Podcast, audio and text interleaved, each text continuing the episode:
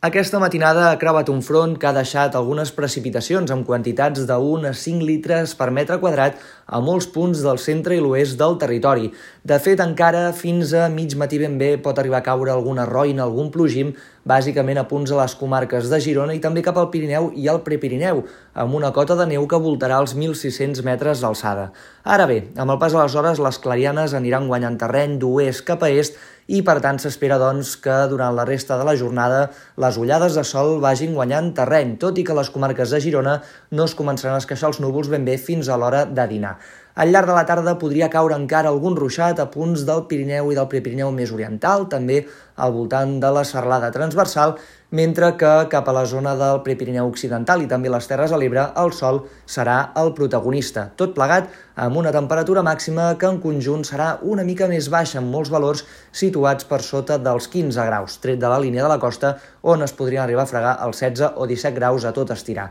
De cara a demà s'imposarà l'anticicló, tot i que arribarà la cua d'un front que deixarà algun ruixat a l'àrea del Pirineu amb una cota de neu que pujarà ràpidament, però com dèiem, a la resta el temps vindrà marcat en conjunt pel pas de bandes de núvols alts poc importants i també per la presència de boira sobretot a les comarques de l'interior i especialment a les comarques de Ponent. Sembla que ben bé fins a la nit de Nadal el temps serà molt tranquil,